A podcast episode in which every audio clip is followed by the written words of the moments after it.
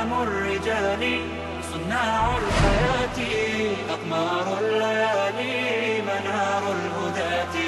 علام الرجال صناع الحياة أقمار الليالي منار الهداة. تزالوا سباتي وصاروا بذاتي نشيد الحياة. وصاروا بذاتي نشيد الحياة. تركنا الهوانا وعادت قوانا بعزم الأبات. وعادت قوانا بعزم الأبات. آه يا من تسامى وخلى المنام. جرى العمر يمضي ورا من سراما بسم الله الرحمن الرحيم. إن الحمد لله نحمده ونستعينه ونستغفره. ونعوذ بالله من شرور أنفسنا ومن سيئات أعمالنا. من يهد الله فلا مضل له ومن يضلل فلا هادي له. أشهد أن لا إله إلا الله وأشهد أن محمدا عبده ورسوله. وقال ربنا في كتابه الكريم بعد أعوذ بالله من الشيطان الرجيم. يا أيها الذين آمنوا اتقوا الله حق تقاته ولا تموتن إلا وأنتم مسلمون. Zahvala pripada Allahu subhanahu wa ta'ala koga naš gospodar na pravi put uputi zaista je upućen, a koga ostavi u zabudi neće mu naći nikoga ko će ga na pravi put uputiti. Svjedočimo nema nekog istinskog Boga osim Allaha subhanahu wa ta'ala i da je Muhammed alihi salatu wa salam posljednji poslanik poslan sa istinom. Uzvišen je kazao u svojoj plemenitoj knjizi o vjernici, bojte se Allaha istinskom bogobojaznošću i ne umirite nikako drugačije osim kao muslimani. Zatim, assalamu alaikum wa rahmetullahi wa barakatuh. Hvala Allahu subhanahu wa ta'ala koji nas je poživio i ponovo sakupi na ovom bareć mjestu da nastavimo govoriti o njegovim subhanahu wa ta'ala veličanstvenim i lijepim imenima. Večeras nakon Allahu subhanahu wa ta'ala imena al-awwal wal-akhir govorit ćemo Allahom subhanahu wa ta'ala imenu al-zahir al-zahir Jednom riječ kada je pokušao da prevedemo ovo veliko Allahovo subhanahu wa ta'ala ime, mogli bi kazati očiti. Očiti. Ali ovo Allahovo subhanahu wa ta'ala ime ima značenje onaj koji se otvoreno pokazuje stvorenjima svojom veličinom, svojom moći, svojom snagom. Tako da sve ono što vidimo, što je stvoreno, ukazuje na Allaha Jalla wa'ala da je on subhanahu wa ta'ala stvoritelj svega stvorenog. Također od značenja ovog imena El-Zahir jeste da je on te bareke ve ta'ala taj koji upravlja svim stvorenim. Da je on očit u tome, da je to sve njegova vlast i da je u vlast njegovoj te bareke, te bareke ta'ala. U jeziku postoji više značenja, više značenja i sva jezička značenja što su učenjaci pokušali znači da pojasne e, su jako bitna da shvatimo kada se odnosi na Allaha te bareke ta'ala. Zatim iz plodova koji proizilaze iz poznaje Allahovog subhanahu wa ta'ala imena El-Zahir je jako bitno da shvatimo šta znači u jeziku. U jeziku prije svega zuhur ima značenje el uluva, ulu ili el il, e, irtifa, uzvišenosti, e, da se uzdigne iznad, iznad nečega, da se uzvisi iznad, iznad nečega. Što nam je ovo jako bitno? Zato što je poslanik alaih sallatu wasalam u Allahova četiri imena pojasnio u hadisu kojeg smo prošli put spominjali, a što se tiče večerašnjeg imena, poslanik sallallahu alihi wasallam je rekao u hadisu muslim وَأَنْتَ ظَاهِرُ فَلَيْسَ فَوْقَكَ شَيْءٍ I ti si iznad svega, a ništa nije iznad, iznad tebe. Ne postoji nešto što je iznad, iznad Allaha te bareke, te bareke wa ta'ala. Tako da vidimo da je poslanik alaih sallatu wasalam najljepše pojasnio značenje imena El-Zahir. Zatim imamo drugo značenje u jeziku gdje su učenjaci kazali da ima u značenju galebe savladati, pobijediti. Znači, galebe ima značenje savladati, savladati i pobijediti.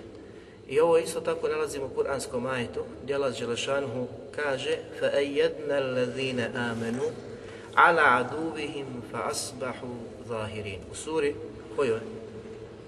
Ko zna suru? Saf, 14. ajet. Allah Đelešanu prijevod značenja kaže pa smo mi one koji su vjerovali i koji su slijedili poslanika osnažili protiv neprijatelja njihovi. Odnosno, mi smo takve pomogli. Allah Đelešanu je pomogao, znači, vjernike protiv neprijatelja njihovih, odnosno nevjernika. Pa vidimo da ima značenje podariti pobjedu. Podariti pobjedu, odnosno savladati, savladati nekoga, nekoga. Zatim imamo značenje el-bejan i el-vuduh, jasnoće, nešto što je jasno, nešto što je očito, nešto što je vidljivo, razumijete? Znači jasno, to je u jeziku, značenju jezika zuhur. I imamo jedno značenje muzahara, muzahara ili el muavene, podpomaganja.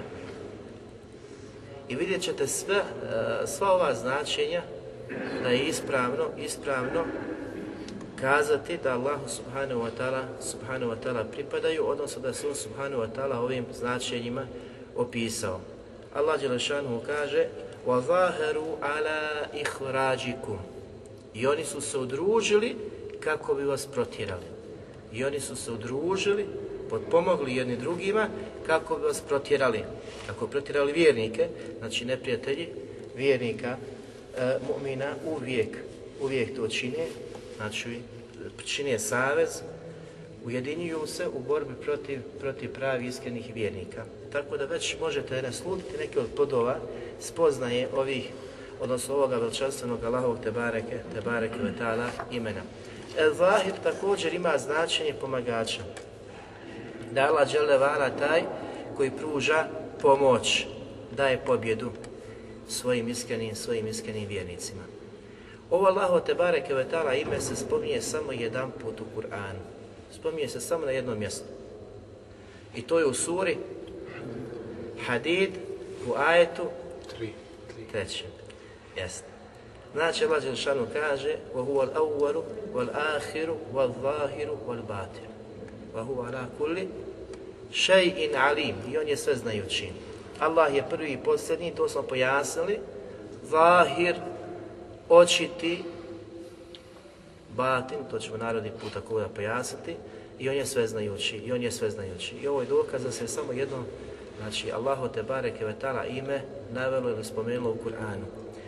U pojašnjenju učenjaka šta kažu u značenju Allahovog subhanahu wa ta'ala imena El-Zahir kada se odnosi na Allaha ibn Đarir rahmetullah ali kaže onaj koji je učinio svoje postojanje jasnim čovječijem umu ili razumu. Jasno, Habibi, kristalno jasno, da je Allah subhanahu wa ta'ala taj očiti ukazao i pojasnio tako jasno na svoje postojanje, na njegovu tebare kvetala prisutnost, na njegovu veličinu, na njegovu uzvišenost. Pa zatim kaže kroz mnogobrojne dokaze i znakove koji ukazuju na njegov vahdanijet, na njegovu jednoću. Ko razmisli, ko promisli, ahi, u istom trenutku se vraća da sve stvoreno mora da ima i da posjeduje stvoritelja. Da ima i da mora da posjeduje stvoritelja. A stvoritelj svega stvorenog je Allah te bareke, te bareke ve ta'ala. To je neurođeni osjećaj koji te navodi. Na, da razmišljaš tako. Zatim, tvoje promišljanje, tvoje razmišljanje, te debur, te fekur, o svemu stvorenom, ukazuje na Allaha subhanahu wa ta'ala. A detaljno pojašnjenje, kako njega te bareke ve obožavati, kako mu se približiti, ćemo naći u knjigama koje on te bareke ve ta'ala spustio poslanicima i sa zadnjom knjigom koja je pečet svih knjiga i koja se jedino treba slijediti i jedini poslanik za kojim se trebamo povoditi je Muhammed Ali salatu wasalam, koji je također pečet, pečet svih vjerovjesnika, svih poslanika. Tako da ćemo tu naći detaljno kako se Allahu približiti, kako ga obožavati i kako njemu te bareke vatala robovati. Ezdađađ Rahmetullah Ali je isto tako znači kazao u ovom značenju Ibnu Đarira. S tim da Ibnu Đarir ima definiciju i drugu koju možemo navesti da kaže da je Allah dželevala zahir, da se opisao tim imenom u značenju da je on iznad svake stvari i da i da ništa nije iznad iznad njega. I to je uzeto iz hadisa poslanika sallallahu alihi vseleme kojeg smo naveli na početku. Zatim Ibn Arabi El Maliki, rahmetullah alihi, navodi pet značenja po pitanju Allahovog tebare kvetala imena Al-Zahir. I ovo navodi Imam Kurtubi u svom dijelu Esna i dodaje šesto i sedmo, znači mišljenje, odnosno svoje viđenje po pitanju ovog značenja Allahovog tebare kvetala imena. Prije svega, znači, prvo mišljenje, očiti, Al-Zahir, očiti, na koga ukazuju njegovi mnogobrojni dokazi i ajeti. Tako je, znači, očiti jasan u svom postojanju, u svom rububijetu i svom uluhijetu, da sve ono što je on stvorio te bareke vetala, od tih mnogobrojnih dokaza, upućuje na postojanje Allaha te bareke, te bareke vetala. Zatim El-Zahir ima značenje onaj koji je pomagač, očiti pomagač svojih vjernika, svojih robova. Da Allah subhanahu wa ta'ala je na strani, na strani vjernika. Zatim od značenja da je on El-Zahir, očiti, jasniji u svojoj moći i snazi. Da je očito to, kada čovjek razmisli se o nebesima i zemlji, ukazuje na savršenu moć Allaha subhanahu wa ta'ala, da je savršen u tome. Zatim je Zahir koji je visoko iznad svih stvorenja. I ovo nam je jako bitno značenje o kojem ćemo nešto kazati. Zatim, Zahir, očiti koji je učinio jasnim i vidljivim sve što se može primijetiti. Allah dželevala koji je očiti jasan je učinio sve što postoji jasnim i očiti da možeš vidjeti. Sve što vidiš, sve što primijetiš, to je Allahov dar.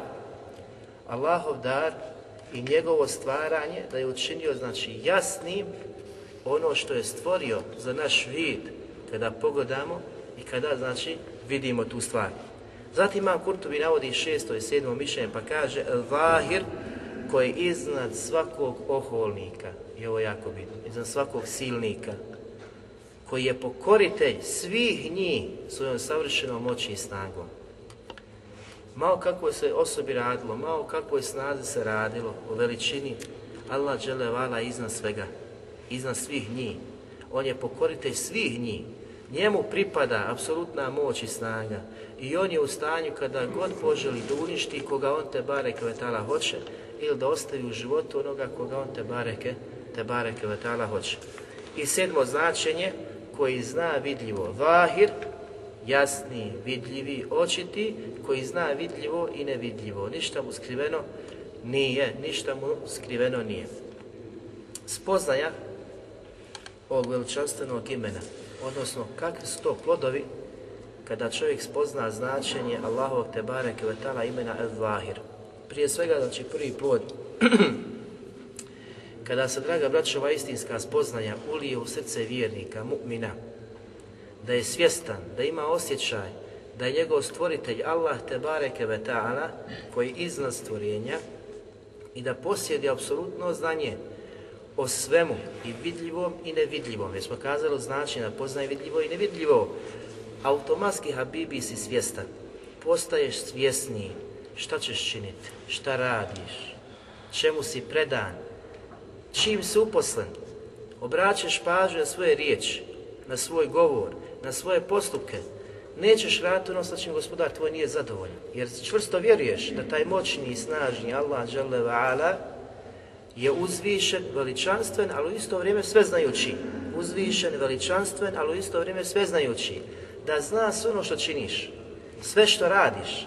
I zato moraš usmjeriti svoje radnje, svoje postupke, svoje misli, svoja djela u saglasnosti sa onim što je došlo u Kur'anu i Sunnetu, da se to podudara ahi, da bude znači onako kako Allah dželevala traži od tebe, da je on subhanahu wa ta'ala zadovoljan sa svim tvojim stanjima, javnim i tajnim, i kada si u samoći i kada si na javi. Allah Đelešanu u suri Rad u desetom majetu kaže Sava'un minkum man asarra man asarra l'qawla wa man jahra bihi wa man huwa mustahfin bi lejli wa saribun bin nahar.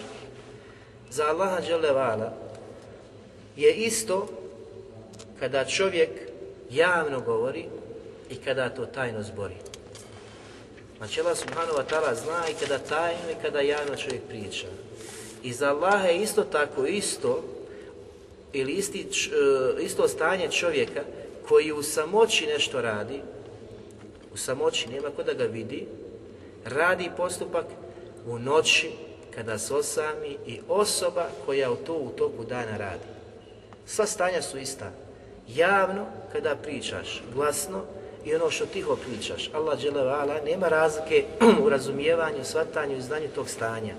Također kada se čovjek osami u noći, ono što radi, također nema razlike kada je dan i kada se jasno vidi, kada je na ulici, nema razlike. Allah zna stanje onoga koji se osamio u noći i onoga koji to učini u toku dana.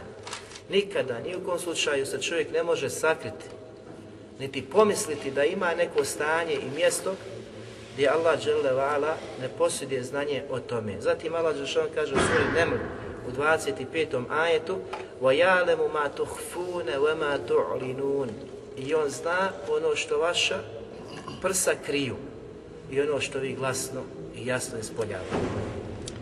Allah dželevala zna ono što prsa kriju. Ja i ti, ah, ja ne znam što ti misliš, niti ti znaš šta ja mislim, niti tvoje misli koje već prolazi kroz... Niko od nas ne zna, ali Allah Đelešanu zna. I to a mi znamo samo kada kažeš, kada nam se obratiš, kada uputiš, kažeš nešto o sebi, mi to znamo. Ili kad učiniš postupak. Ništa drugo ne znam. I to da smo u prisutnosti, da čujemo i da vidimo. A ono što ti uradiš opet tamo negdje, ja ne znam šta su radio kad nisam bio prisutan. Allah subhanahu wa ta'ala sva stvorenja su. Znam se koji je to broj stvorenja. Danas koja postoji, da zna stanje svih njih. Svi šta misle, šta posjeduju, šta čine, šta rade. U istom trenutku, koliko ljudi radi različite pokrijete, onaj priča tamo, onaj pojašnjava tamo, onaj radi onaj grijeh, onaj je, je u nekom vrsti ibadeta. Koliko samo ljudi ima u različitim ibadetima, sad u ovom trenutku. Allah zna sve to, sva ta stanja. Zna stanja svih grešnika. To je veličina Allaha subhanahu kada čovjek promisli i razmisli, mora znači ući taj jekin i strah u njegovo srca, Habibi, da pazi šta radi, šta čini kad taj svemogući Allah subhanahu wa ta'ala koji ga je stvorio je tako moćan, tako jak, tako sveznajuć da može sve da nadzire u svakom trenutku, u svakom djeliću, znači trenutka Allah subhanahu wa ta'ala tako savršeno nadzire. Zatim Allah Đelešan kaže u suri Yunus u 61 ajetu وَمَا يَعْذُبُ عَنْ رَبِّكَ مِنْ مِثْقَالِ ذَرَّ Allahu Đelešanuhu ne može promaći ni jedan, jedna trunčica, jedna trunčica mu ne promiče njegovom savršenom znanju. Pa kaže fil ardi vala sema i ono što je na zemlji i ono što je na nebesima. Stanje oni koji su stanovnici zemlje i stanovnici nebesa ni jednom trenutku, ni u jednom trenutku ne promiče Allahu subhanahu wa ta'ala. Apsolutno, znači njegovo savršeno znanje obuhvata sve. I stanovnike nebesa i stanovnike zemlje. Sedam nebesa i sedam zemalja šta je u zemlji, šta je na zemlji, šta je u moru, šta je na moru, šta je na kopu, sve. U istom trenutku Allah subhanahu wa ta'ala ima, znači, savršen, savršen taj nadzor. Zatim drugi plus spoznaje Allahovog te barek i ta'ala imena Al-Vahir, jeste Habibi da čvrsto vjeruješ, jer ovo ime ukazuje i mnoga druga Allahova subhanahu wa ta'ala imena i argumenti u Kur'anu i sunetu poslanika, u govoru Selefa, da je Allah vala iznad stvorenja, da je Allah iznad stvorenja, što znači da je On iznad, iznad sedam nebesa, iznad arša, Allah subhanahu, subhanahu wa ta'ala. Ovu Allahu uzvišenost, da je On subhanahu wa ta'ala uzvišen iznad svih stvorenja su potvrdile sve nebeske knjige. Sve.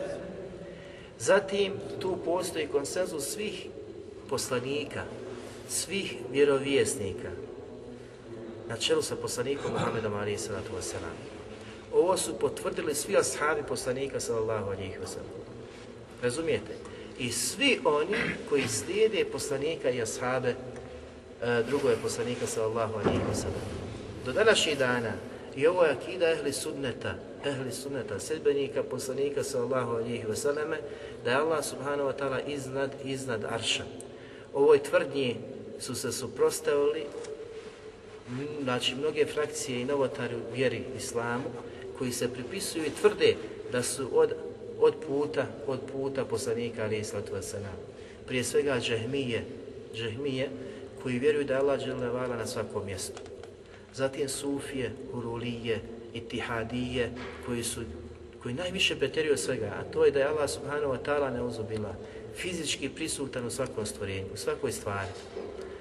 Zato znači od tu dolazi na teza ili vjerenje da čovjek šta god da obožava, obožava Boga. Jer je Allah da uzubila Bog u svakoj stvari. Ako obožava predmet, kamen, drvo, životinju, živo ili neživo, on obožava Bog. Znači toliko je znači, opasna da je ova tvrdnja gora od židova, od kršćana i mnogo božaca.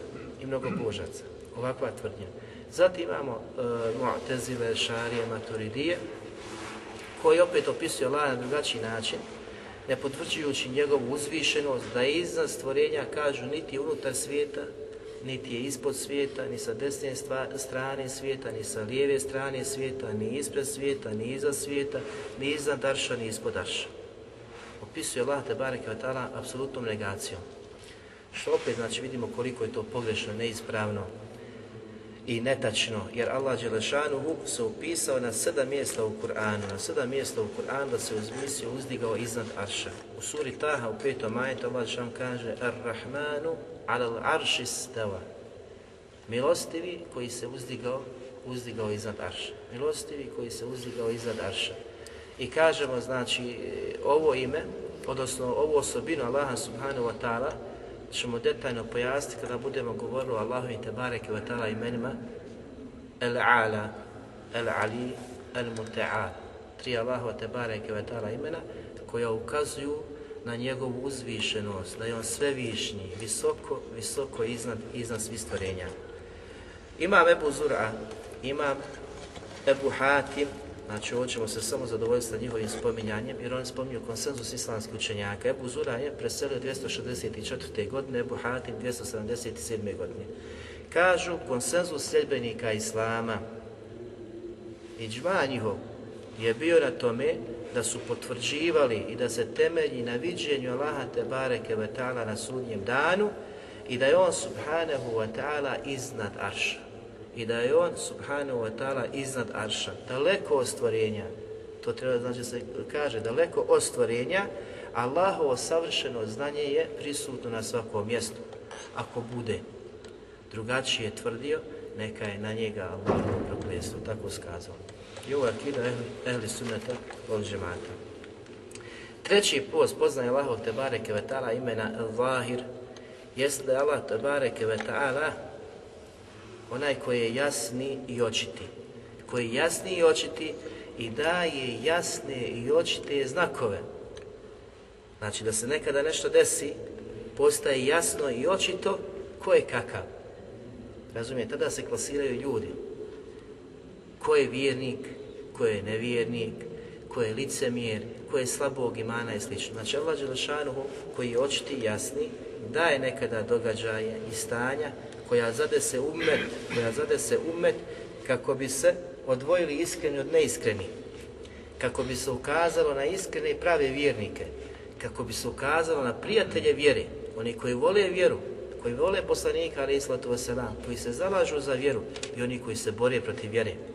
I oni koji se bore protiv vjere. Tako da je to ispit od Allaha subhanahu wa ta'ala, koji je očiti jasan, daje kušu, daje ispit gdje će se ljudi pokazati, gdje će se ljudi dokazati, ko je kakav. I tako da nema situacije danas koja zadesi umet Islama, koja zadesi pojedinca, a da Allah Đelešanu ne iskuša i ne ukaže kakav se. A ti sam se možeš hukmu donijeti, ne treba niko dolaziti i pričat maša ti svaka snaka, da ti baca prašinu. Nego ti zna svoje stanje, Habibi. Svaki od nas zna dobro naše stanje. Kakvi smo, šta smo, kako se ponašamo u tim situacijama. Tako da nakon toga ti vidiš da li si bio slab, da li si bio jak. Da li si bio onako kako Allah subhanahu wa ta'ala traži od tebe u tim stanjima ili si bio od onih koji ne bi trebao, znači da imaš da posjedeš osobine njihove, munafika, licemjera, ljudi koji imaju slabašan iman, slab iman.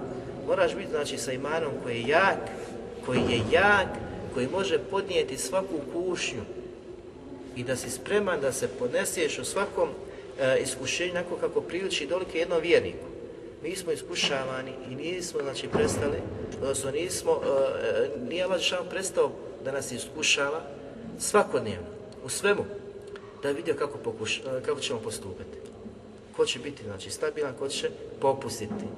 Imamo znači detalje i u izobilju, i imamo znači oskudici, imamo iskušenjima bolesti, imamo iskušenjima riječi, o nasrtajima, napadima, ubijanjima, vrijeđanjima, sve mahi, sve to obuhvata kušnju, ispit kako će se ti ponašati. Allah Đelešanu kaže u suri Al Imran 179. ajetu Ma kana Allahu li yadhara al-mu'minina ala ma antum alayhi hatta yamiza al-khabisa min at-tayyib.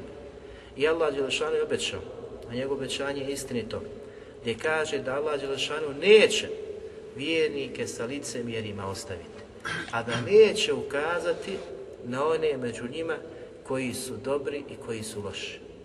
Razumijete? Znači stanje, mi možemo se okupljati ili se možemo sakupljati oko ove riječi, oko one riječi, oko ove ideje, oko one ideje, kroz žemate, kroz udruženja, sve, sve, sve, znači sve ono što je prihvatljivo. Allah, Allah Đelešanu će dati neku kušnju, nešto što će te skupine dovesti znači, na, taka, na takav nivo da će se is, pokazati iskreni od neiskreni. Oni dobri od loši, Ovdje kad bukvalno prevodili, oni e, čisti od prljavi. Čisti od prljavi. Znači, ko je čist? To je čista mominska duša, vjerni, istinski uh, vjernik Allah subhanahu wa ta'ala, habiz, najprljavi, ružni, odvratni i od munafika, licemjera. Što ni u kom slučaju ne smijemo znači sebe dozvoliti da budemo takvi, nego trebamo biti i okiti se osobina iskrenog pravog vjernika Allaha te bareke ve i da ne požurujemo u tim takvim kušama sa nekim e, postupkom koji uopšte nije postupak razboritog pravog istinskog vjernika. I ljudi danas mi smo svjedoci svojama, koliko se desi takva situacija da ti požuriš s nečim misleći da je to to, a nisi svjestan šta si uradio. Nisi svjestan šta si uradio. Koga si podpomogao i na čiju si stranu stao svojim postupkom da to čovjek stane, razmisli, promisli, pa tek nakon toga, ko je pametan, tek nakon toga ili kaže, ili nešto uči ako se zahtjeva od njega neki postupak. Zatim Allah Đelšanu u suri Ankebut u drugom majetu kaže hasiben nasu an jutreku. Da li ljudi stvarno misle da će biti ostavljeni? Da li misle, znači, ljudi da će biti ostavljeni ej jakulu amenna nakon što izgovore riječi mi vjerujemo, mi smo vjernici. Znači, a Bibi ovdje Allah Žešanu kazuje, ako izgovoriš i potvrdiš Amenna, mi vjerujemo Allaha Đelevala, sve ono što je došlo, što, je objavljeno, da ćeš biti ostavljen, pa završava, pa kaže na kraju vahum la yuftanun, a da neće biti iskušavani. Što znači da Allah Đelešanu ti je kazao, a to je njegovo obećanje, da kada izgovoriš i krene stazlom Islama ćeš biti iskušavan. Da nije ono, znaš, prihvat islam se u smislu dunjaličkih naslada, da ćeš uživati, da ćeš sve imati što je na dunjalku. Nije to, nego spas se vječne kuće, džeheremske, da ćeš doživjeti već, vječna uživanja u džennetu, ali na dunjalku će biti kušnje i ispiti od Allaha Đelešanuhu, da vidi da li su te riječi koje si kazu zaista iskrene, da li te riječi e, imaju dijela koja potvrđuju da si ti iskren u vjerovanju Allaha subhanahu wa ta'ala. Jer ko nije zaslužio da bude iskušavan, svi stvorenja kada je pogledao, poslanik Muhammed ali islatu wasalam, najodabranije od Tebare Kvetala stvorenje, rahmet, milost svim, znači, e, stavnicima Dunjaluka, od kad se on pojavio, on je milost koga bude prihvatio za poslanika.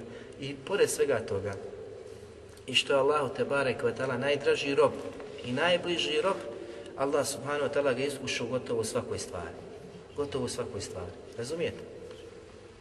Ali on strpljivo to podnosio. I Allah mu se obraća pa kaže Fasbir li hukmi rabbik. I ti čvrsto saburaj na svakoj Allahovoj odredbi.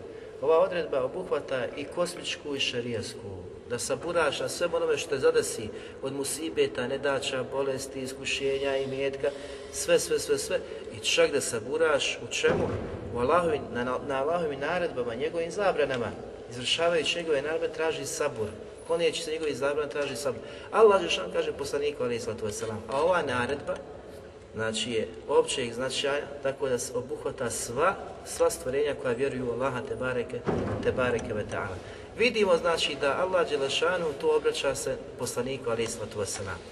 A zatim kada pogledamo u siru vidjet ćemo na, na kakve sve stvari poslanik alaih sallatu wasalam na, e, znači nailazio, kako se je ponašao, kako je saburo i on nam je divan uzor, zato kaže Allah da je on divan uzor za vjernika, svakog onog koji vjeruje Allaha i žudi za vječnom kućom dženeta. Nema ljepšeg uzora niti primjera od poslanika alaih sallatu wasalam.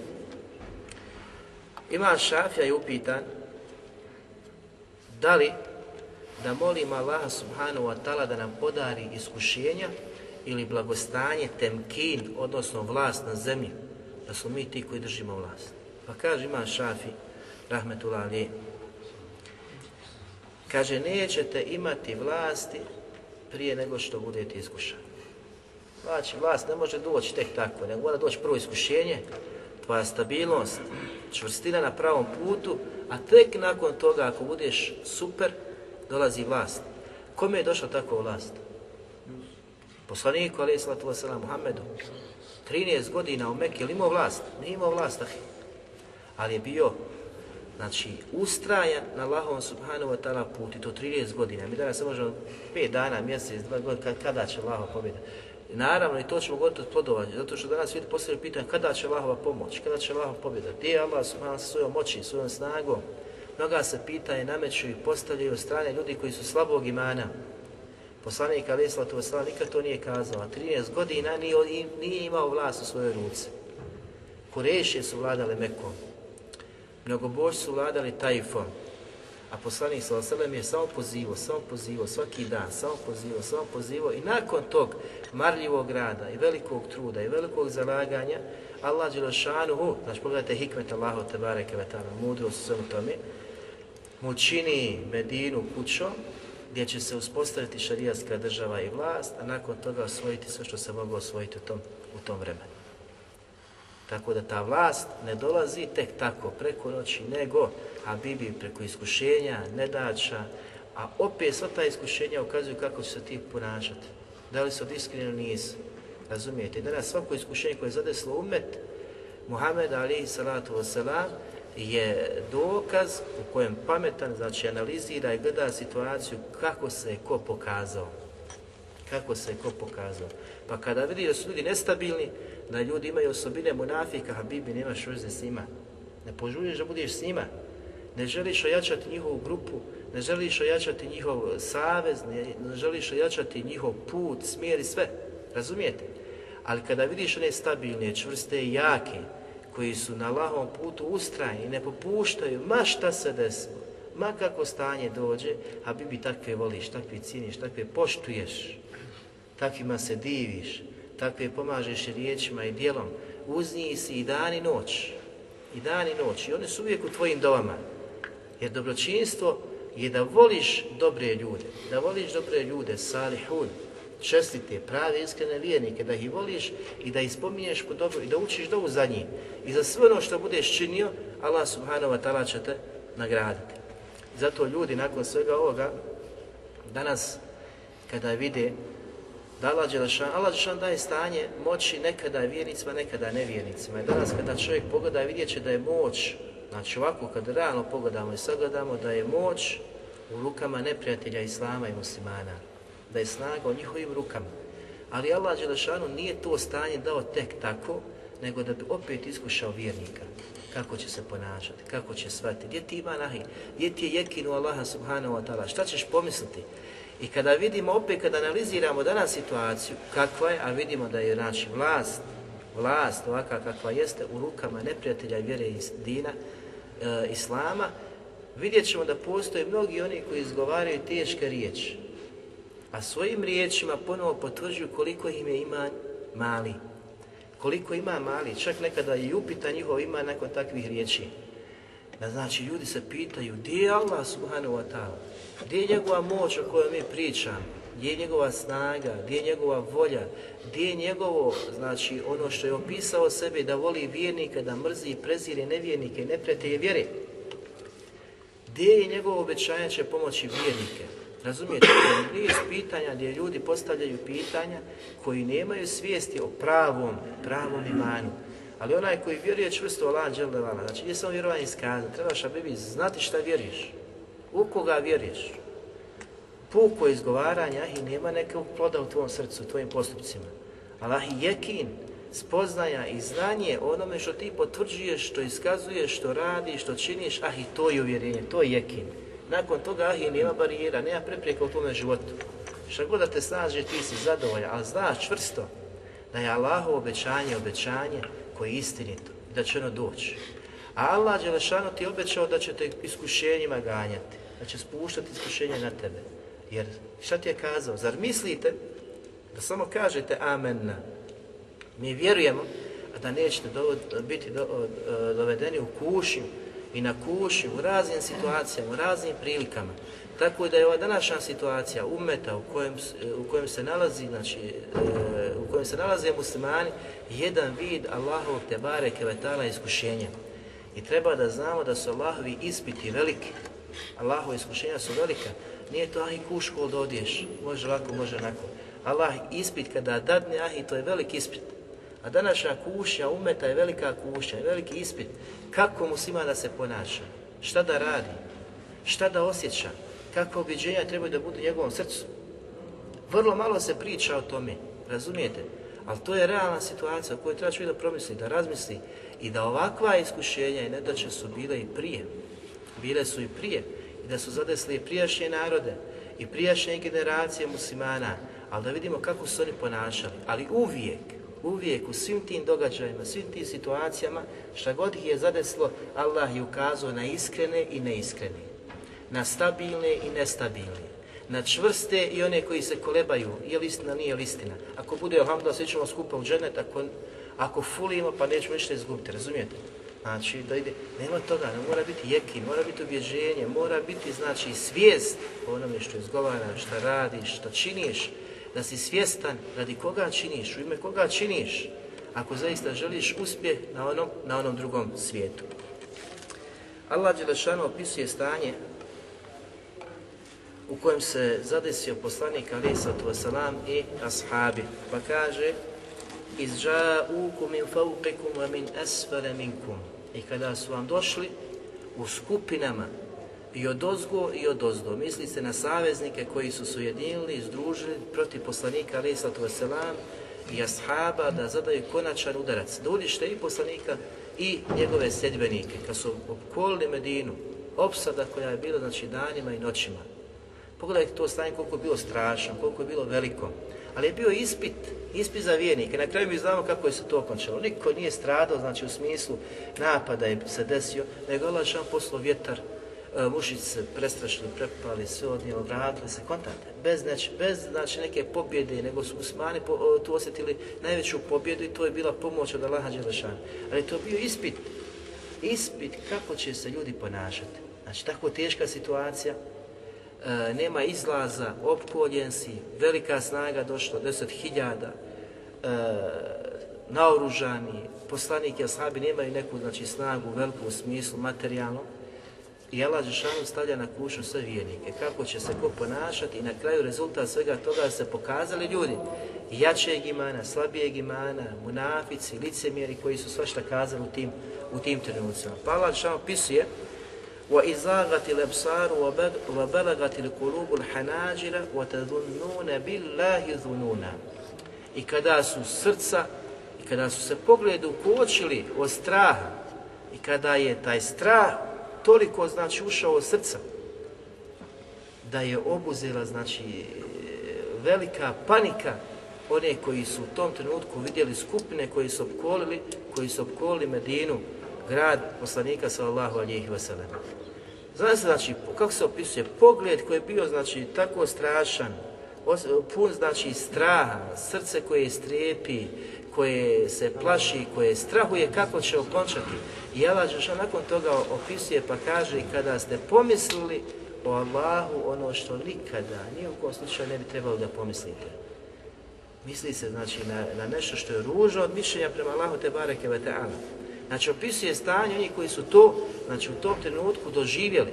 I danas, znači kada vratimo, da spustimo ove ajete na današnje stanje i danas muslimani isto ovo znači doživljavaju. Isto ovo osjećaju, gledaju divije se snazi koju imaju ljudi koji su neprijatelji vjere. I da ih obuzme panika, obuzme ih strah, padaju u očaj, gube nadu, gube sve znači Allaha te bareke od silnog i moćnog, silnog i moćnog koji daje detalje i trenutke kako bi iskušao, kako bi iskušao e, stvorenja. Zatim Allah Žešano opisuje pa kaže وَإِذْ يَقُولُ الْمُنَافِقُونَ وَالَّذِينَ فِي قُلُوبِهِمْ مَرَدْ I kada su munafici kazali teške riječi, oni u čijima je, u čijim srcima je velika bolest, mrd. Šta su kazali? Kaže Allah Đelešanuhu, ma va'adana Allahu wa rasuluhu illa gurura. Allah i njegov poslanik nam ništa nisu dobro obećali.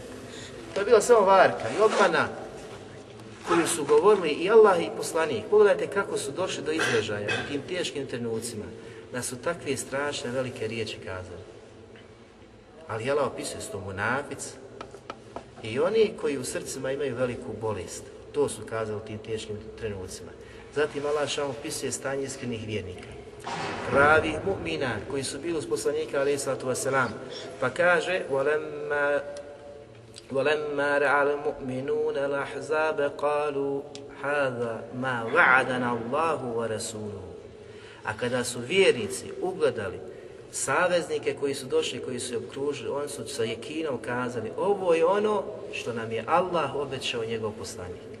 To je obećanje. Kako je obećanje? Kušnja Habibi. Kušnja, nedača, problemi na ovome putu nisu ruže, nije imetak, nije blagostanje, nego upravo kušnja kojom će te Allah iskušati, a ti, jel, radostan, sretan, prihvataš, bori se i pokazuje se u tom trenutku ko si, šta si, da li si pravi vjernik. Zatim kaže, وَصَدَقَ اللَّهُ وَرَسُولُ I zaista je istinu kazao i Allah i njegov poslanik. Obećanje koje su nam oni nagovijestili je to će biti kušnja, a zaista, zaista je istinu kazao i Allah i njegov poslanik. وَمَا زَادَهُمْ illa imane u teslima. I to stanje, tako strašno, tegobno, kad su ovi padali u očaj, pokazali, iskazali svoj nifak na jezicima, kaže, to stanje im ništa drugo nije povećalo, osim ubjeđenje, imanu Allaha subhanahu wa ta'ala i teslim, potpuno se predavši Allahu subhanahu wa ta'ala.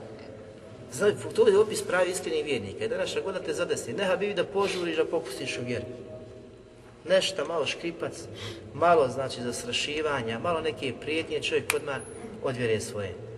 Razumijete, ne može to tako. Tako se ne može čovjek odgajati, tako čovjek ne može biti ustrajan na lahom putu. Ustrajan se na lahom putu kada kažeš amenna, da znaš i svjestan si da će doći, ne da će. Doći problemi, doći kušnja, iskušenja, tim, tim kušnja mora se pokazati koji iskren vjernik. Ne da popuštaš u vjeri, ne da se dodvoravaš, ne da nečim se koristiš kako bi izbjegao pripadnost islamu, onom pravom izvornom islamu, na kojem je bio poslanik Ali Islatu Veselam i Ashab. Razumijete?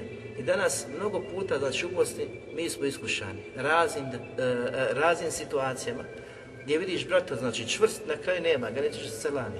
Znaš, neki strah. Kakav je to strah? Ako ovo strah koji se opisuje ovdje, da je toliki strah ušao u tvoje srce, pa da kažeš šta je to što dolazi od Allaha osim nedaća i problemi, ja kao neću takvu vjeru. To je vjera Habibi, ti moraš prihvatiti. Vjera koja će ti doći sa problema i nedaćama. A ti problemi i nedaće nisu svako, znači koje traju znači svakog trenutka. Allah dadne nekad nedaću, nekad da blagostanje, razumijete? Ili nedaću, a nakon toga niz blagostanja. Pa opet da nedaću, pa opet blagostanja. I sve tako. Razumijete? I to je put, to je put, znači, e, kojim ide pravi iskreni vjernik. Jer Allah Đelešanuhu u Kur'anu opisuje u suri Ali Imran, وَتِلْكَ الْأَيَّامُ نُدَاوِلُهَا بَيْنَ النَّاسِ To su dani u kojima Allah Đelešanuhu daje pobjedu nekada jednima, nekada drugima. Razumijete? Allah Đelešanuhu ovdje ukazuje u kuranskom ajetu da je on taj koji daje pobjedu neprijateljima vjere. Znači postoji to kada Allah da neprijateljima vjere pobjedu, ali postoji i dani i trenuci kada Allah dadne pobjedu drugima, odnosno vjernicima. Kakav je hikmet i mudrost u ovom načinu, znači da Allah daje nekada pobjedu jednima, nekada drugima. Što znači da poraz koji smo doživjeli je poraz od Allaha. Pobjedu koju su nevjernici ili neprijatelji Islama e, zadobili, koju imaju, to je od Allaha, nije od njih, nego Allah im je dao. Allah daje vlast kome hoće i uzima od koga hoće. Razumijete? Tako ako vjernik osjeti vlast i pobjedu od Allaha je. Ako izgubi, opet je od Allaha. Treba da analizira zašto. Uvijek imaju neki sebebe. Imaju znači neki razlozi zbog čega musliman nije slabašan, zbog čega znači gubi. A najveći sebeb takvog stanja Habibi što su musliman daleko od vjere daleko od vjeri. Kad se vrate vjeri, tada Allah Đelšan daje pomoć, daje ispušta svoju pomoć i daje im blagostanje i daje im temkin, daje im vlast na zemlji. Čim muslimani odu od svoje vjere, vidite u kako stanje zapadaju. Na ovim prostorima je vladalo nekoliko stoljeća islamsko carstvo. Razumijete? Čim je to islamsko carstvo popuslo svojoj vjeri, u praktikovanju dina, u slijedženju Allaha i poslanika, Allah je uzeo tu vlast i dao je drugima. U Španiji također, koliko stoljeća, je isto tako bilo. Čim su muslimani popustili u vjeri, čim su muslimani popustili u vjeri, Allah je uzeo tu vlast. Egipat, isto tako, nekada davno, je bila velika vlast, bio je hilafet, mjesto hilafeta, halife i svega. Čim su muslimani popustili, Allah šalje koga? Tatare, sve, sve ruše, sve uzimaju. Razumijete? Mora se vidjeti šta je to sebe što muslimani stagniraju, zbog čega su znači popustili. A kad pogledamo te sebebe i te razloge njihovog stagniranja, njihovog popušta, vidjet ćemo ljubav prema Dunjaluku, ljubav prema grijehu, odavanje, znači slijeđenje strasti, prohtjeva, e, neprijatelji islama, islama isto tako utječu sa svojim e, šubhama, svojim idejama, promovišu, pozivaju i tako ruše onu najveću snagu, najveću snagu koju čovjek može da ima, to je iman. Kada vidimo da na sve utječe iman i na znači, naš našu stabilnost, našu snagu, našu vlast, da čovjek se vraća i popravlja svoj iman. Kada izgradi svoj iman, on njegova porodca, njegova familija, komšijot, a bi vraća se snaga umetu, vraća se ponos umetu i vraća se vlast umetu. Vraća se vlast umetu. Ko je svjestan radi za to i dan i noć. Radi i dan i noć kako svoj iman ojačati, osnažiti, kako ustrajati na Allahom te bareke od tala putu. I Allah kaže, to su dani u kojima nekada daje pomoć jednima, odnosno pobjedu, a nekada drugima. Pa učenjaci kažu, kakva je onda mudrost u tome? Da da nekad jednim, nekad drugima. Kažu, kada bi Allah Đelešanu podario apsolutnu moć i vlast u svim trenucima, na svakom mjestu, nevjernicima ili neprijateljima Islama, nad muslimanima, šta bi se tada desilo? Desilo bi sahi da bi muslimani počeli da sumnjaju, padali bi u očaj, beznađe, nema izlaza, gube nadu Allaha subhanahu wa ta'ala, u njegovu moć, njegovu veličinu, kako može, znači, toliki, znači, jedan period ili vrijeme, da bude, znači, dominacija nevjernika nad vjernicima.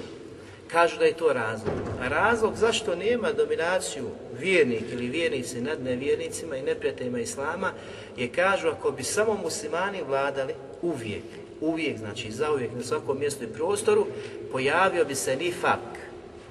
Koji je to nifak? Nifak da bi ljudi, znači, jel, što se boje za svoju smrt, svoju sigurnost, će platiti džiziju, neće platiti džiziju, onaj prilazio, tvrdio nešćim e, riječima, ali u srcu ostao bi, znači, dalje nevjernik, dalje nevjernik. Znači, pojavio se veliki nifak. Pa kažu da je to neki e, koristi razumijevanja, razumijevanja Allahovog hikmeta u davanju, znači vlasti jednima, pouzimanja te vlasti, davanje, davanje drugima. Također kažu da su ova dešavanja, kada Allah Đelešan dadne vlast neprijateljima dina, iskušenje veliko za vjernika i muslimane. Zašto? Što u tom trenutku opet dolazi do izražaja nifak, licemjerstvo. Pa vidite kako požure mnogi da se dodvore takvima. Dodvore se takvima. U borbi protiv muslimana, u izdaji muslimana, u zalaganju za njih i riječima i dijelima. Allah vam to iskaže, pokaže u takvim situacijama. Jer je on el zahir, očiti jasni i očiti im daje te znakove da čovjek pametan promisli, razmisli, shvati i vidi da je svjestan ko je kakav. I vidite, znači, kada vlast ima i kada imaju takvi vlast, koliko muslimana požuri da klima glavom, da popušta o svojoj vjeri, da ostavlja svoju vjeru za i nešto što je prolazno i što je malo vrijedno. S druge strane, kada muslimani dobiju vlast, kada su muslimani na snazi, opet pogledate mnoge koji požure iz licemjerstva da se dodvore muslimanima, da klimaju glavom, jest pravo sa tako. Znači da se pretvaraju pred njima da su oni takvi, razumijete? I to je kroz istoriju, znači čovječanstva mnogo puta potvrđeno. I danas, ne moramo daleko ići, pogledajte u Bosni. Pogledajte vladajuće partije, stranke, bilo šta. Znači od vremena rata i nakon rata. Danas kažu samo mijenjaju dresove, jel tako? To ti je tako znači. Čim imaš vlast, ljudi se tebi dodvoravaju. Ljudi se tebi dodvoravaju, ostavljaju one svoje principe i sve ono na čemu su radi vlasti. Ili straha od vlasti. Ili straha od vlasti. I slično. Što nijekom slučaju nije prihvatljivo. Ali Allah Đelešanu dadne takva dešavanja, takva stanje da bi ljudi pametni, razboriti vjernici vidjeli ko je kakav i sutra da ne pogriješi ponovo prilikom svog izbora. Ko će mu biti prijatelj, ako ne.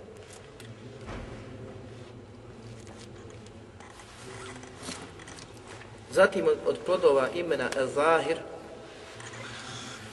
da Allah Đelešanuhu posjeduje vrhunac savršenstva moći.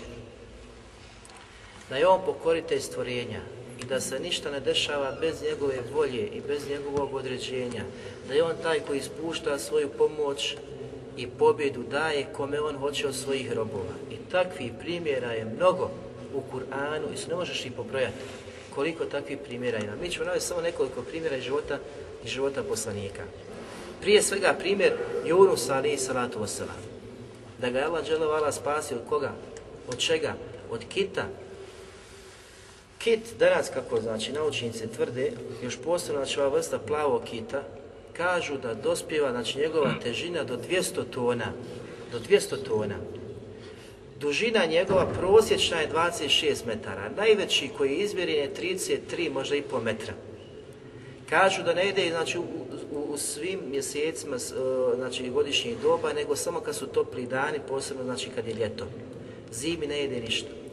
Ali u danu jednom, kada jede, koliko pojede? Kažu otprilike 40 miliona račića, koja je težina 3,5 tone u jednom danu, Allahu težina 3,5 tone. Mladunče kada se rodi, teško je koliko? Prije svega kada je 7 metara, a 2,5 tone, 2,5 tone je teško. A lovi, kako kažu, najčešće na dubinu 100 metara. Što su ove informacije korisne? Da bi čovjek razmislio u kakvoj je opasnosti bio ko? Junus a.s. Kad ga je kit progutao, kaže se da lovi znači na dubini od 100 metara.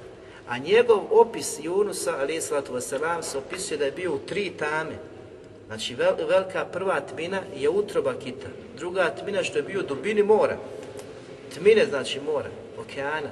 Zatim tamna noć koja je bila. Pogledajte, se strah koji danas kad dođeš otvoreno more, ako si sam, ahi, kakva te panika oguzme. Znaš se neki brodolom nešto, pa ti sam. Kakva je tu svijest? Zatim, da te jel, napadne riba, da te pojede riba, gdje ćeš tada biti tim situacijama? Ali Yunus a.s. je znao kome se obratiti i ko će ga jedini moći spasiti i ko će mu jedini moći pomoć pružiti, niko drugi ahi. Gotovo, riba progutala ahi, gdje nemate na mapi, razumijete? Ali onaj koji je samoguć, koji je samoćan, a to je Allah dželdavala, možete izbaviti i možete dati izlaz. Što znači, kako kažu učenjaci, spominjanje primjera vjerovjesnika kako je Allah Đelešanu sačuvao i spasio određeni znači velaja i nedača je pouka za nas. Jer kako je Allah Đelešanu vjerovijesnike spasio i njihove sljedbenike, također ćemo mi zapadati velika iskušenja i kušnje, da jedini izlaz u svemu tome može doći od strane Allaha subhanahu, subhanahu wa ta'ala. Allah Đelešanu opisuje Junusa njegovo stanje pa kaže Fenada fi zulumat pa je zavapio u tminama. Zulumat, nije jedna zulma, nego zulumat, množina došla. Pa je Yunus zavapio, počeo dozivati Allaha subhanahu wa ta'ala la ilaha illa ent, sa jekinom ahi. Nema drugog istinskog Boga osim tebe. Ti si jedini, niko drugi ne može pomoći. Zatim kaže, inni kuntu mina zalimin. Zaista sam sebi nepravdu učinio. Nepravdu zbog onoga što je uradio, što je učinio prije toga Ali vapi i traži pomoć od onoga koji jedino može pomoći, niko drugi Habibi. Zatim kaže Allah Đelešanu, فَاسْتَجَبْنَا لَهُ I mi smo se njemu i njegovoj dovi odazvali. Allah Đelešanu. Se odazvao dovi. Što znači, Habibi, tim trenucima teškoće je jedino kome će se obrati, molim te, izbavi, pomozi, da izlazi Allah Đelešanu. Nema pisma, ovom pismo, onom, radi nešto za mene, molim te, molim te.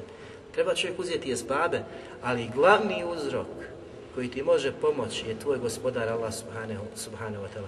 Ali istinski, ahi, kad dođe taj jekin, čvrsto, ubiđenje u Allah, da on daje pomoć i daje izlaz, to je Allah gospodar tabarek wa ta'ala.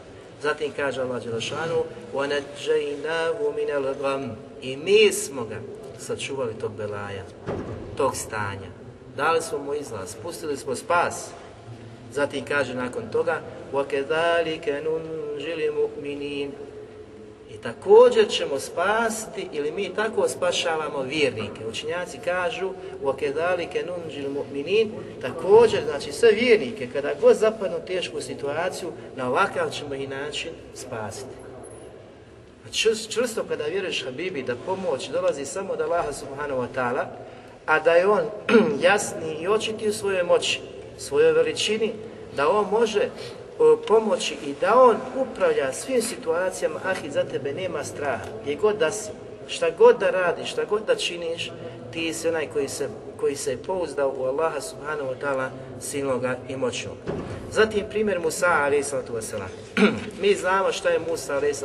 proživio, kako su ga, e, šta je sve faraon radio, učinio, znači da ga uništi.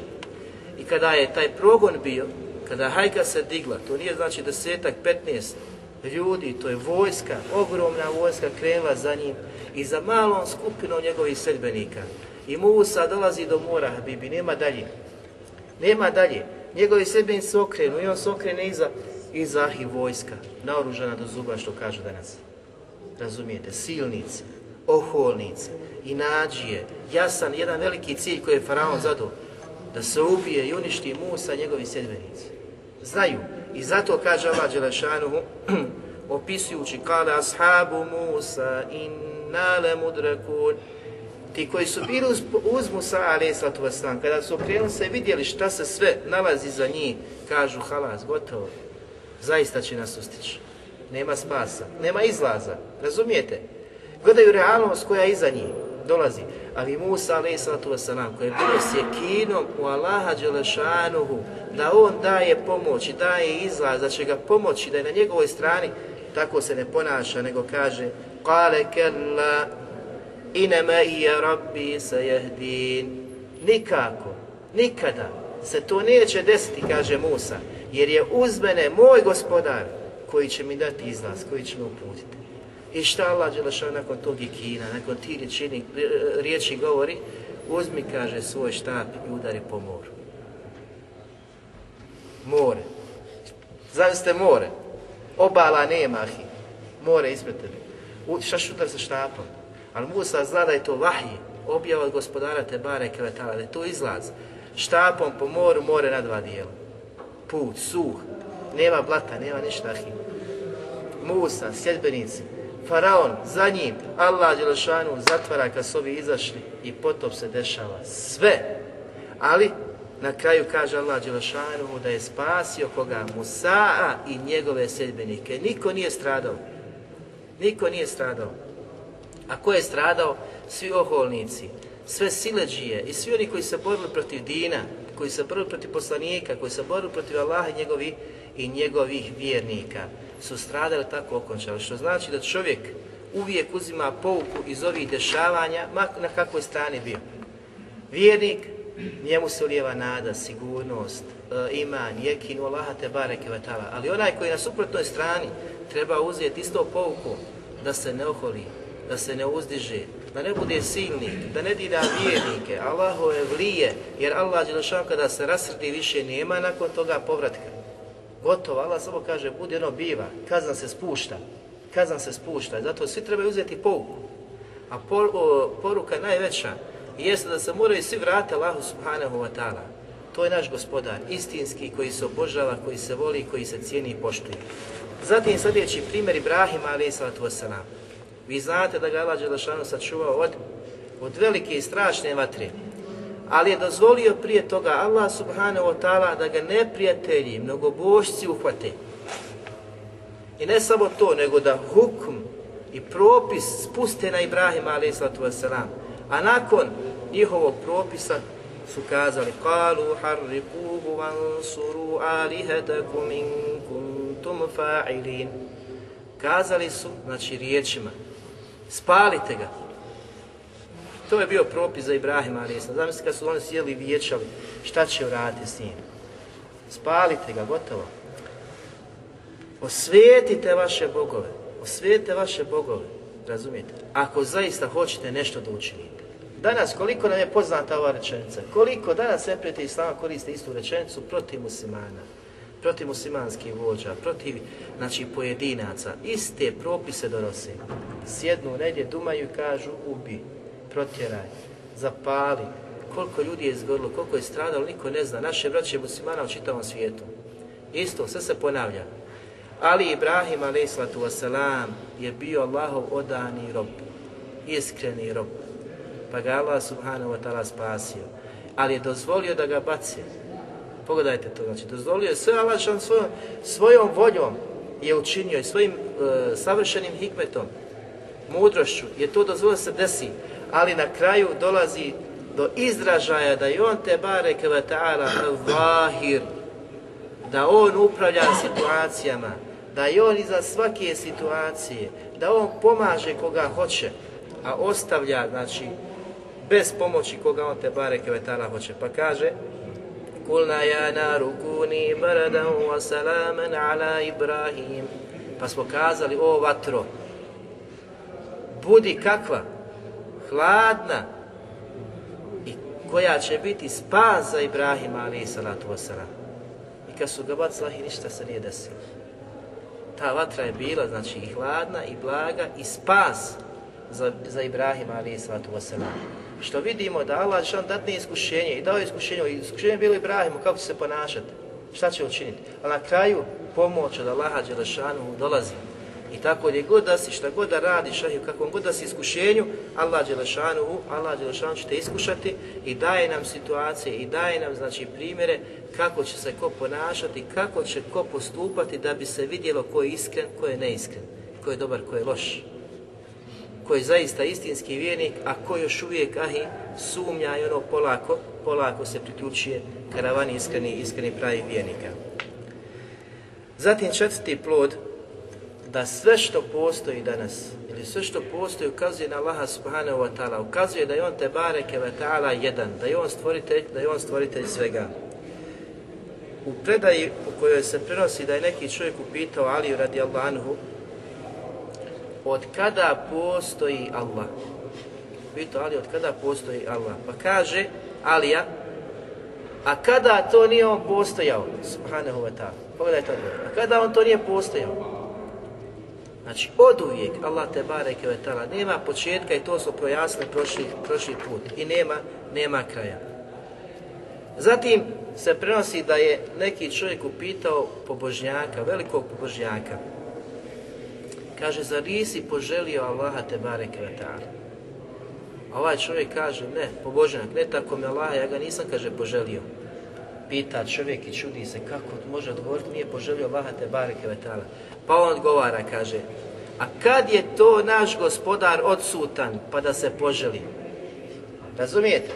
To nije poput osobe koja je otišla od tebe, ostala te mjesec, dva, godinu i na kraju se raduješ susretu s njom. Razumijete? Allah vala je uvijek uz vjernike, uvijek je s vjernicima, uvijek je na strani vjernika, razumijete? To je jekin koji se hoće kazati ovdje u ovoj priči. Ubjeđenje Allaha te bareke ve taala da nikada ni u kom trenutku, ni u, koj, e, ni u kakvoj situaciji ne pomisliš da si ostao sam. Allah Đelešanu je uvijek s tobom. Allah je na tvojoj strani.